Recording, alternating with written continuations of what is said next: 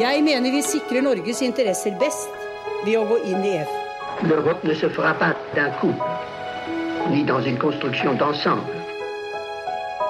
Das beste Mittel, um eine Politik zu treiben, die sich auf Vertrauen gründet. Dette er ikke noe vanlig samarbeid mellom selvstendige nasjoner. Dette er en sterk og dyp integrasjon. No, no,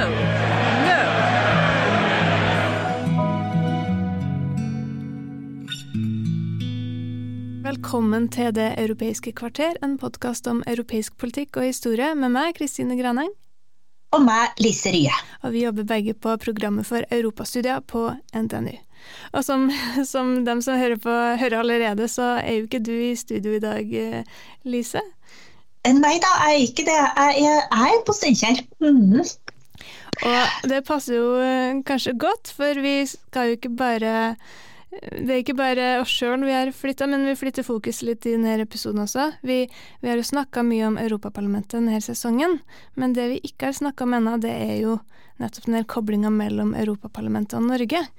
For eh, det kan vi, og det her kan vi kanskje komme tilbake til, men, men min påstand er jo iallfall at Europaparlamentet nok er den EU-institusjonen som som eh, Norge står lengst ifra, har minst tilgang til sånn formelt. Ja, og samtidig så er det jo kanskje den av EU-institusjonene som har utvikla seg mest og blitt eh, viktig da, over tid. Det har vi snakka om før. Det har vi. Så det er flere grunner til at eh, Europaparlamentet er, er ganske interessant å se nærmere på fra et norsk perspektiv, så det skal vi gjøre i denne episoden. Absolutt, og vi har en gjest med oss i dag. Vi kunne ikke ha fått noen bedre, for vi har eh, besøk av Monica Stensland, som er ambassaderåd ved den norske EU-delegasjonen i Brussel. Velkommen til oss, Monica. Tusen takk skal dere ha. Veldig hyggelig å være her. Vi syns det er veldig fint å ha deg her, for eh, du koordinerer arbeidet fra norsk side opp mot Europaparlamentet. Ja. Så vi tenkte at du måtte være den beste vi kunne snakke med om, eh, om Norges forhold til Europaparlamentet. Men aller først, eh, du har en doktorgrad i historie fra universitetet i Oxford på en avhandling om hvordan huset Habsburg kommuniserte med støttespillerne sine i ja, Nederlandene, Nederlandene, Belgia og Nederland ja, eh, på 1500-tallet. Ja. Kan du si aller først litt om hva det var som brakte deg fra de her studiene av Belgia og Nederland på 1500-tallet til den norske EU-delegasjonen? Ja, eh, det, det, det, kan jeg godt. Det er, det er, ingen rett linje. Kan vi først uh, begynne med det. Jeg skrev jo denne avhandlingen og syntes det var uh, veldig veldig gøy. Nesten hele tiden. Men da avhandlingen var i boks, så kom det som en, en, overraskelse, eller egentlig nesten et sjokk på meg selv, at da syntes jeg plutselig ikke at det var så veldig givende å jobbe med dette temaet lenger. Eh, så da ble det jo en litt sånn søken etter hva i alle dager skal jeg finne på da. Og så etter en stund så kom jeg vel til den erkjennelsen at uh, kanskje noe mer dagsaktuelle uh, problemstillinger hadde vært uh, spennende. Og at det er gøy med mennesker, og særlig å jobbe med mennesker som lever, og ikke mennesker som døde for over 400 år siden. Og så dukket Utenriksdepartementets årlige utlysning til aspirantopptaket opp. Og så søkte jeg, og så kom jeg inn. Eh, og så har jeg da vært eh, Jeg har to utestasjoneringer tidligere, og også jobbet flere år i Oslo. Eh, Bl.a. tre år med, med brexit. Eh, så, ehm, ja, så jeg har liksom endt opp med europapolitikk som, eh, som arbeidsfelt, og da omsider uh, funnet veien egentlig tilbake til Belgia. Blir visst aldri ferdig med dette landet, men da med litt annet formål enn når jeg har vært her tidligere. Så da er ringen på en måte slutt, da? Ja, på litt mystisk vis. Da er den vel egentlig det. Eh, har delegasjonen vært opptatt av å følge Europaparlamentet lenge? Er det noe som man har drevet med eh, i mange år? Ja, altså, Så vidt jeg har klart å bringe på det rene, så har det vært en egen eh, dedikert europaparlamentsstilling i omtrent 15 år.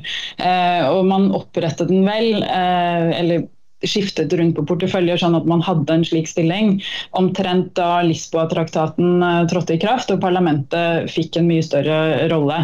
Uh, så Da satte man av flere ressurser til å følge parlamentet. og Det er, skal sies, det er også det man gjorde både i medlemslandene, men også i andre uh, store ikke-medlemsland, altså USA satte også av mer ressurser til å følge parlamentet på samme tidspunkt. Eh, og de, har, de, følger fortsatt parlamentet også, med, med, med, et helt team. Så her opptrår Norge på samme måte som andre tredjeland? Ja, ja, mm. det gjør de. Det gjør de. Det her er jo noe vi kjenner igjen fra forskninga vi driver med også, Lise. Vi, akkurat nå så driver vi på med et prosjekt der vi ser på hvordan uh, særlig uh, ministrene med ansvar for uh, europapolitikken har snakka om, om hvilke muligheter Norge har for innflytelse. Og da ser vi at særlig rundt eh, Lisboa-traktaten så, så ble det mye mer fokus på Europaparlamentet og, og ja, hva man kunne gjøre da for å få få mer innflytelse, ettersom Europaparlamentet fikk fikk mer makt. Men, Enda mer lovgivende makt, mm, ja. Mm. Men det, det, som ikke er så tydelig fra, fra, det vi ser på, da, det er jo nettopp hvordan man jobber for å få innflytelse. Og Monica, kan ikke du fortelle oss litt om hva er det den stillingen du har innebærer som, som, eh, som med særlig ansvar for Europaparlamentet hos delegasjonen, og, og hvordan er det du faktisk jobber opp mot parlamentet? Ja, eh, Kanskje før jeg sier noe om eh, min stilling som sådan, det kan bare være verdt å minne om eh, utgangspunktet for den. Eh, vi har vært inne på det, det, noe allerede, det med at Europaparlamentet med Lisboa-traktaten ble en mye mer sentral institusjon i, eh, innenfor EU. Det er det ene. Eh, det andre er jo at EØS-avtalen, som som jo danner rammen for den, den, store rammen for Norges forhold til EU, den gir jo ikke oss noen formelle rettigheter til å delta i beslutningsprosessene i Europaparlamentet eller til å være representert der politisk. Det er jo selvfølgelig rettigheter som er forbeholdt medlemmene, og vi er jo ikke medlem. Eh, så det er på en måte utgangspunktet for, at, for min stilling. Vil. Eh, og til min stilling så ligger da et ansvar for å dekke Europaparlamentet som institusjon. Eh, så det betyr at jeg følger med på eh, hva de driver med der. Eh, hva de, hva de sysler med. Jeg følger mange plenumsdebatter. Jeg sitter inne i salen, ser på hvem som sier hva. Følger med på stemmemønstre i ulike saker. Og også mer sånn over tid da, ser på hvordan parlamentet utvikler seg som institusjon innenfor samarbeidet med de øvrige EU-institusjonene. Eh, det, det, er det ene. Um, og så det andre, uh, fordi som jeg sa da, at EØS-avtalen gir oss jo ingen uh, formelle påvirkningsmuligheter i parlamentet. Så betyr jo det at uh, denne påvirkningen må skje uformelt. parlamentet er jo helt sentrale for oss, fordi de er en av EUs to lovgivende myndigheter. Den andre er jo rådet. og EØS-avtalen innebærer jo at vi skal ta inn eh, så å si alt det regelverket som berører det indre markedet, inn i norsk lovverk. Dette er regelverk som vedtas av parlamentet og rådet sammen. Um, og Det gjør jo at uh, parlamentet har veldig stor innflytelse på hvordan det regelverket ser ut. Men vi har da ingen formelle rettigheter til å påvirke parlamentet. Så den påvirkningen må da skje uformelt. Eh, og til min stilling da, så ligger det et overordnet eh, ansvar for eh, delegasjonens nettverk i parlamentet. For den uformelle påvirkningen må da skje gjennom nettverksbygging, eh, hovedsakelig. Eh, så det, det, er mye av det min, min stilling handler om. og heldigvis, veldig viktig å påpeke det, det er ikke en jobb jeg gjør helt alene. det skjer i nært samarbeid. da med spesialutsendingene fra, fra, fagdepartementene i Oslo.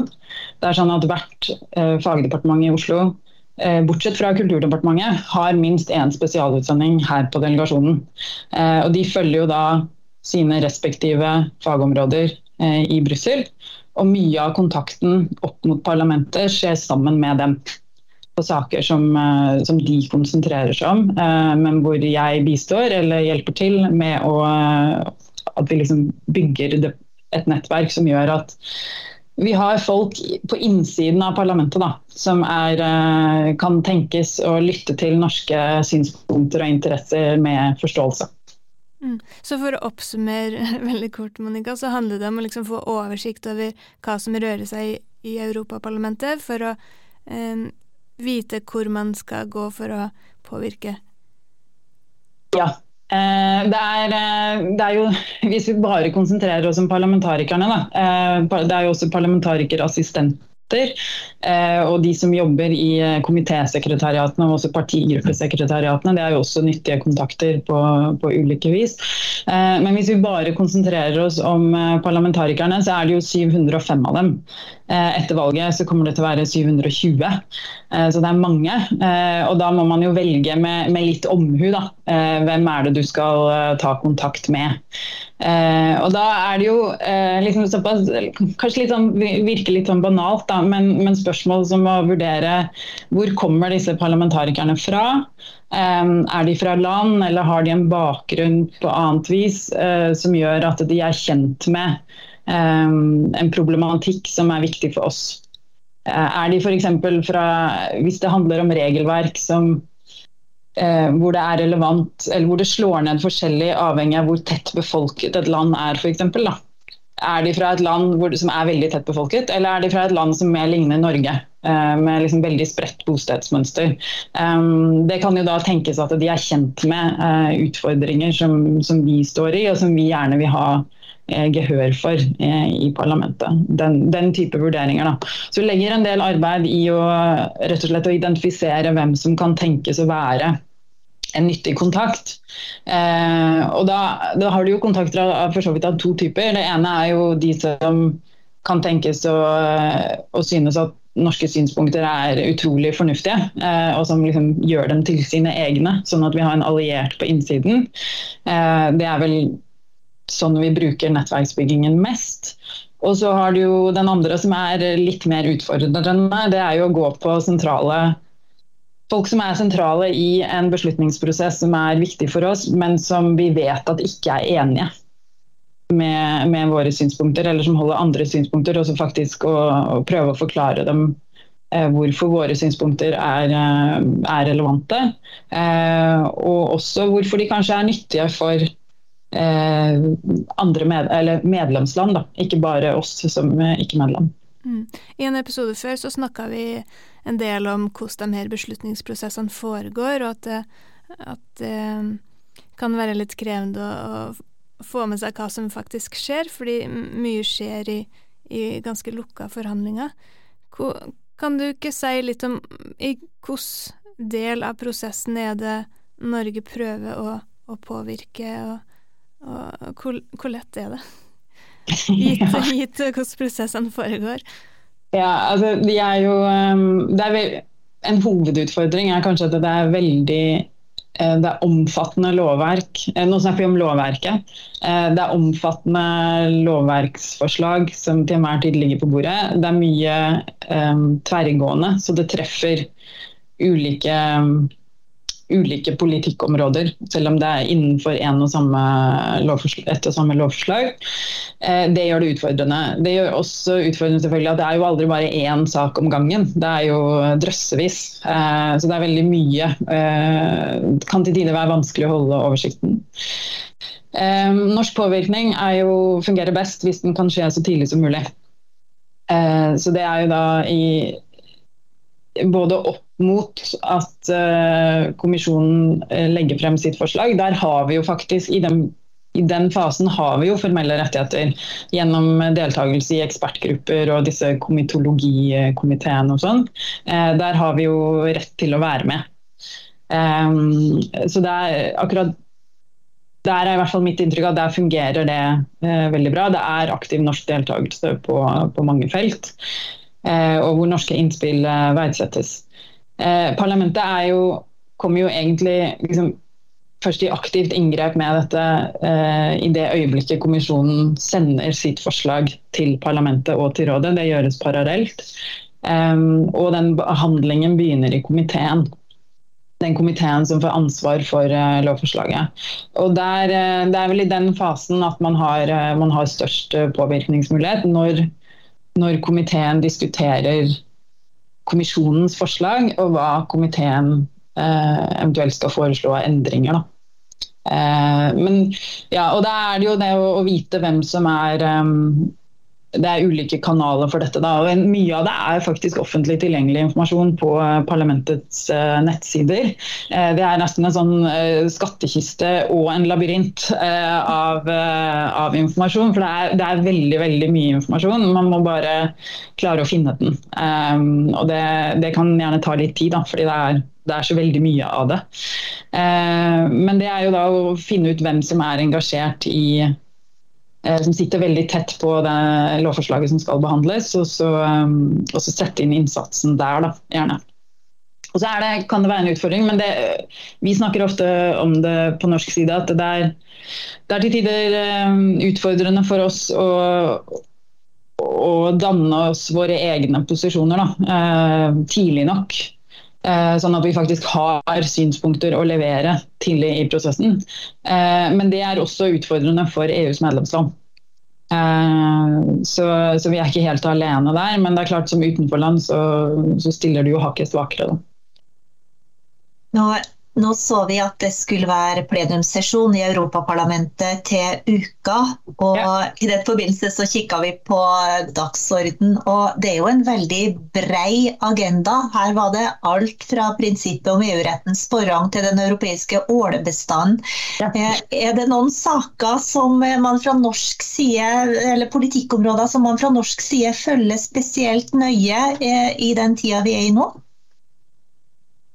Um, ja, altså du tenker de, delegasjonen som helhet, eller uh, ja. Um, ja altså, uh, vi har det prinsippet på delegasjonen at uh, fagrådene, disse spesialutsendingene fra fagdepartementene i Oslo, de følger sine saker uavhengig av institusjon. så, så de ser også på den dagsordenen for plenumssesjonene og, tar, og vurderer om det er Eh, F.eks. hvis det er en debatt da, på et, eh, et saksfelt som, eh, som, de dekker, så vurderer de om det er relevant for dem å, å rapportere spesielt om hjemover, eller om det er informasjon og, som kan inngå i, i, det arbeidet de gjør ellers. Um, så, så de, de, tar et overordnet ansvar for sin, sine saker, uh, uavhengig av institusjon, og da dekker da også den, sine egne saker i parlamentet. Um, så de, eh, de, følger på en måte sitt, uh, sitt eget fagdepartements agenda. Så mer sånn overordnet så er jo vår, vår agenda overfor uh, parlamentet Den styres jo på en måte til enhver tid av det som er parlamentets egen agenda. Uh, og i hvilken grad det er saker på den agendaen som er viktige for oss. Så um, Parlamentet setter jo sin egen agenda. Uh, og når det dukker opp saker der som er sentrale for Norge, så havner det også øverst på vår agenda. Så sånn det det, akkurat der er det litt sånn reaktiv eh, arbeidsmåte. Da. Det er jo ikke vi som setter deres agenda. Kan du si litt om hvilke saker du følger spesielt i Europaparlamentet? Ja, eh, for I tillegg da, til å dekke, dekke, Europaparlamentet som institusjon, og også drive med denne nettverksbyggingen vi snakket om, eh, så dekker jeg også EUs arbeid på rettsstat og demokrati. Og Der er parlamentet en, en tydelig stemme, eh, som i lang tid har, har jobba for at EU, og da kanskje særlig kommisjonen, skal, um, skal, reagere kraftigere når rettsstats- og andre demokratiske prinsipper settes under press i, i medlemslandene. Så det, det, føler jeg spesielt. Um, også et annet uh, tema er jo regelverk som er relatert til det grønne skiftet. Det har vært veldig mye av denne, denne mandatperioden. Mesteparten av det er EØS-relevant. Og det treffer veldig bredt, eh, ikke bare i Norge, men også i medlemslandene. Så diskusjonene rundt uh, dette regelverket, debattene i parlamentet, uh, liksom knivingen om, om, hvor det skal lande, uh, det er gjenstand for, for, særlig oppmerksomhet. Og så En tredje ting er jo selvfølgelig valget neste år. Det er jo også interessant å følge med på. Og forberedelsene har jo begynt. Så, så, det er også noe jeg følger med Det må vi komme litt tilbake til ja. mot slutten, ja. tenker jeg, Monica. Men, men, jeg tror for mange som liksom hører om det som skjer i EU, så er det, det er jo litt fjernt når man hører om de her prosessene som foregår. Kan, kan ikke du gi oss et lite bilde av hvordan, hvordan ser det ut når du drar til Strasbourg og, og følger det som skjer i sesjonene der? Hvordan ser en dag i Europaparlamentet ut? Uh, ja, uh, de er lange, kan jeg begynne med å si. Det er jo, uh, det er togturen ned til Strasbourg. det er jo, omtales jo som et reisende sirkus av enkelte. Vi kan jo kanskje legge til det at Det er ikke sikkert alle vet det, at, at parlamentarikerne heller jo stort sett til i Brussel, men drar altså ned til Strasbourg for å, for å ha møter der. Ja, det er eh, traktatfestet at, um, at parlamentet skal ha tolv er plenumssesjoner hvert år i Strasbourg. Uh, I tillegg så har de såkalte miniplenum uh, innimellom i Brussel, uh, som varer sånn et døgn omtrent. Én til to dager. Mens plenumssesjonene i Strasbourg går fra mandag, mandag ettermiddag til, til torsdag ettermiddag. Det, og det er da tolv av dem i året. Uh, og det, de skal være i Strasbourg. Og det, opprinnelsen til den ordningen er jo uh, at EU var et fredsprosjekt, er fortsatt et fredsprosjekt, men på 50-tallet var det kanskje litt lenger fremme i pannebrasken enn nå. Og at det da var av stor symbolsk viktighet at parlamentet, dette forumet hvor representanter fra de ulike medlemslandene ikke minst Frankrike og Tyskland, skulle møtes og løse problemer eh, snakke om problemene sine istedenfor å krige om dem, i en by som hadde vært eh, sentrum for mye av den fransk-tyske krigføringen eh, gjennom eh, historien. Eh, så Det er jo bakgrunnen for at parlamentet på Parlamentets hovedsete er jo da i Strasbourg, selv om de ikke er der mesteparten av tiden. Og det, det er jo litt sånn absurd eh, situasjon også. Eh, det betyr jo at eh, parlamentet på en måte har dobbelt av alt. De har eh, to plenumssaler, én i Brussel og én i Strasbourg. Eh, de har to kontorer alle sammen. Ett i eh, Brussel og ett i Strasbourg. og så pendler de, da. så det er jo det, det, det, omtales jo ofte som et reisende sirkus. og det er det er jo også ønske om å få, eh, å få endret på det. Eh, problemet er jo at det, er, det, krever en traktatsendring å få det gjort. Eh, og Frankrike kommer jo ikke til å gi fra seg den hva skal man kalle det, den vertsrollen sånn uten videre. Den, den, er viktig for dem. At, at, EU også har et, et hovedsete i, i, Frankrike. Så sånn som det, som det er nå, da, så reiser alle ned til Strasbourg en gang i måneden ca. Ja. ja. Eh, og um, det er jo skal si, det er noen fordeler med det også. da, fordi Når alle må være der, eh, så drar de dit, og da kan det ikke være noe annet sted. Eh, sånn at eh, det er, det er, den uka det egentlig er lettest å få møter. Mm. Eh, fordi alle er i Strasbourg uansett, og alle er innenfor dette samme enorme komplekset. Eh, fra tidlig om morgenen til ofte ganske sen kveld.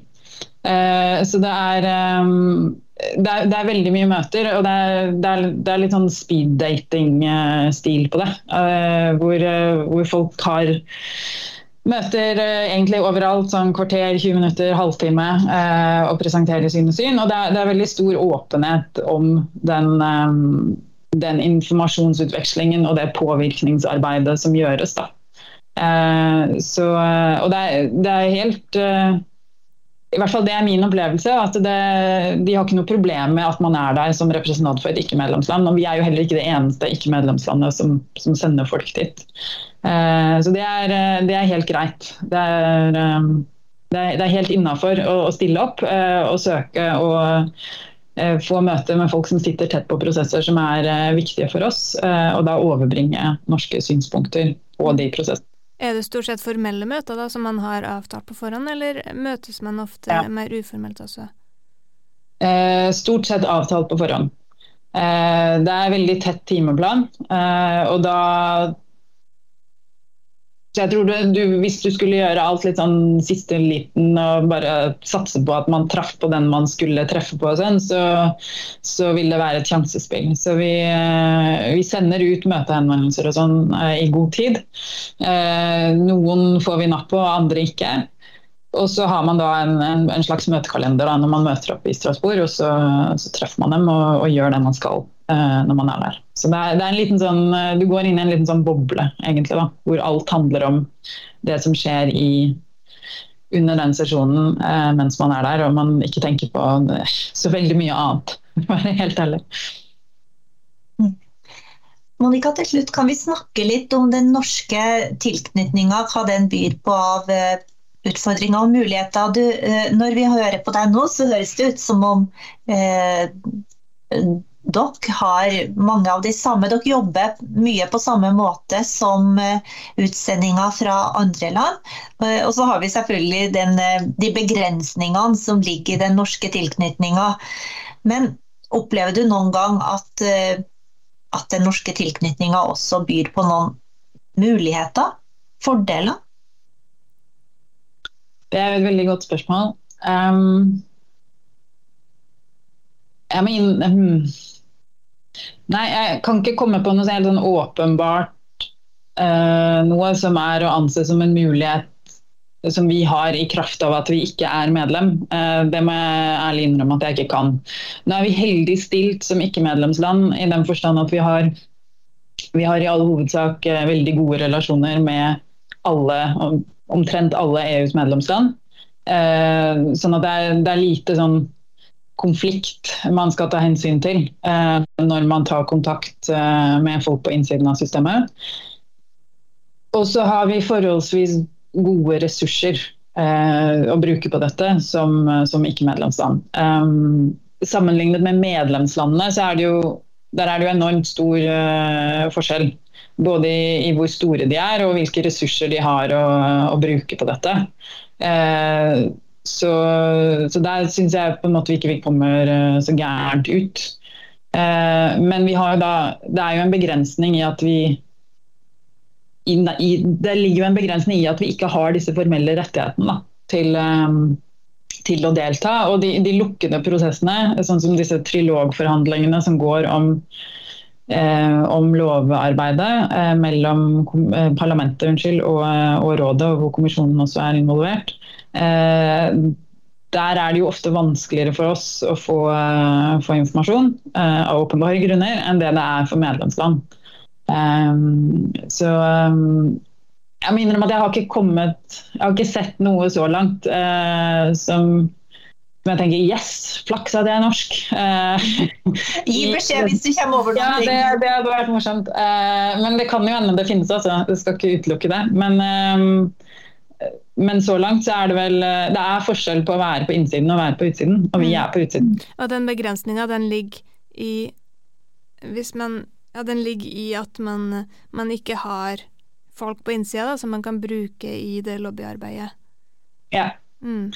Men igjen, da, altså, hvis vi bare snakker om uh, rådet, er det selvfølgelig en helt annen, annen sak der. Uh, men uh, hvis vi bare snakker om, om, parlamentet, så er det jo også stor forskjell på hvordan medlemslandene i hvilken grad de bruker sine egne parlamentarikere. Det er jo, det er jo medlemsland som aktivt søker å mobilisere parlamentarikerne sine for, for det de da anser å være nasjonale interesser inn i parlamentet. Selv om disse parlamentarikerne jo representerer helt ulike partier og sånn. Eh, men som da prøver å på en måte minne dem om den nasjonale tilhørigheten deres eh, når det er viktige saker som står på spill.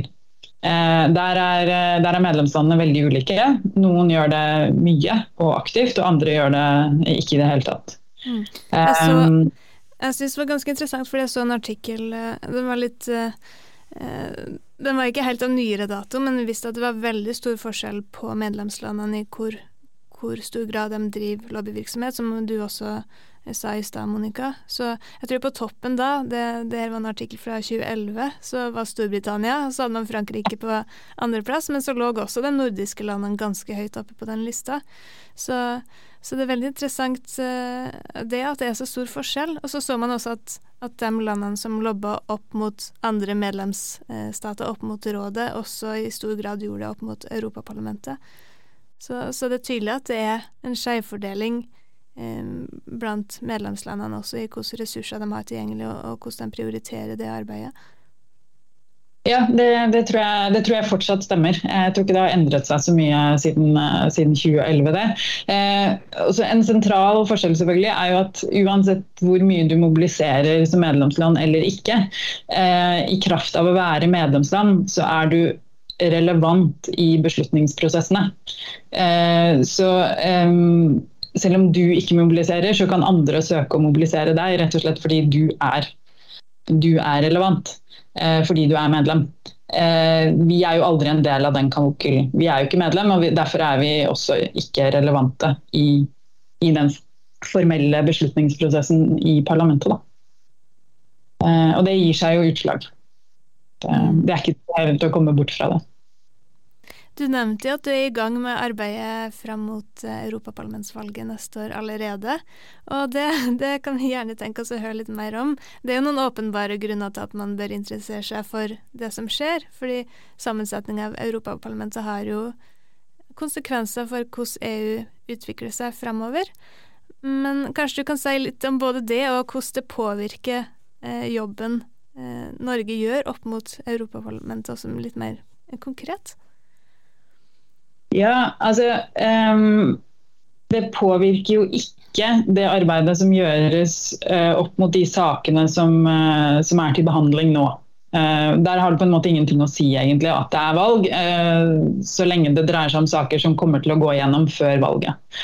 Um, så da, da, forholder vi oss til liksom, sentrale parlamentarikere og, og andre som sitter tett på prosessene, uavhengig av, av valget.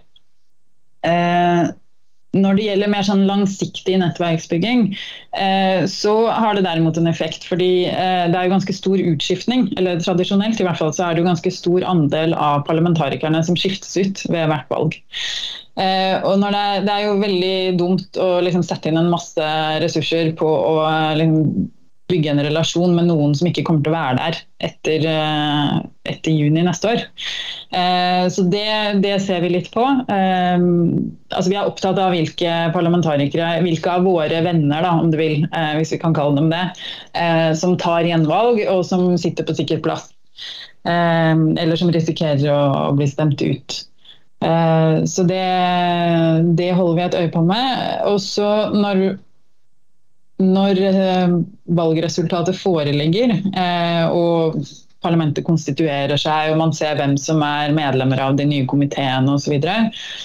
Eh, da vil man jo sette i gang en mer sånn systematisk sjarmoffensiv, vi kan kalle det det. For å på en måte gå opp noen løyper. Det vil jo da være veldig mange som er nye, og som vi ikke kjenner fra før. Og som det er relevant for oss å bli kjent med. Eh, og da er jo selvfølgelig også en viktig oppgave i det er jo den der løpende eh, informasjonen som vi søker å gi om EØS-avtalen. Eh, hva den er for noe, hva den innebærer og hvilke muligheter som ligger i det samarbeidet.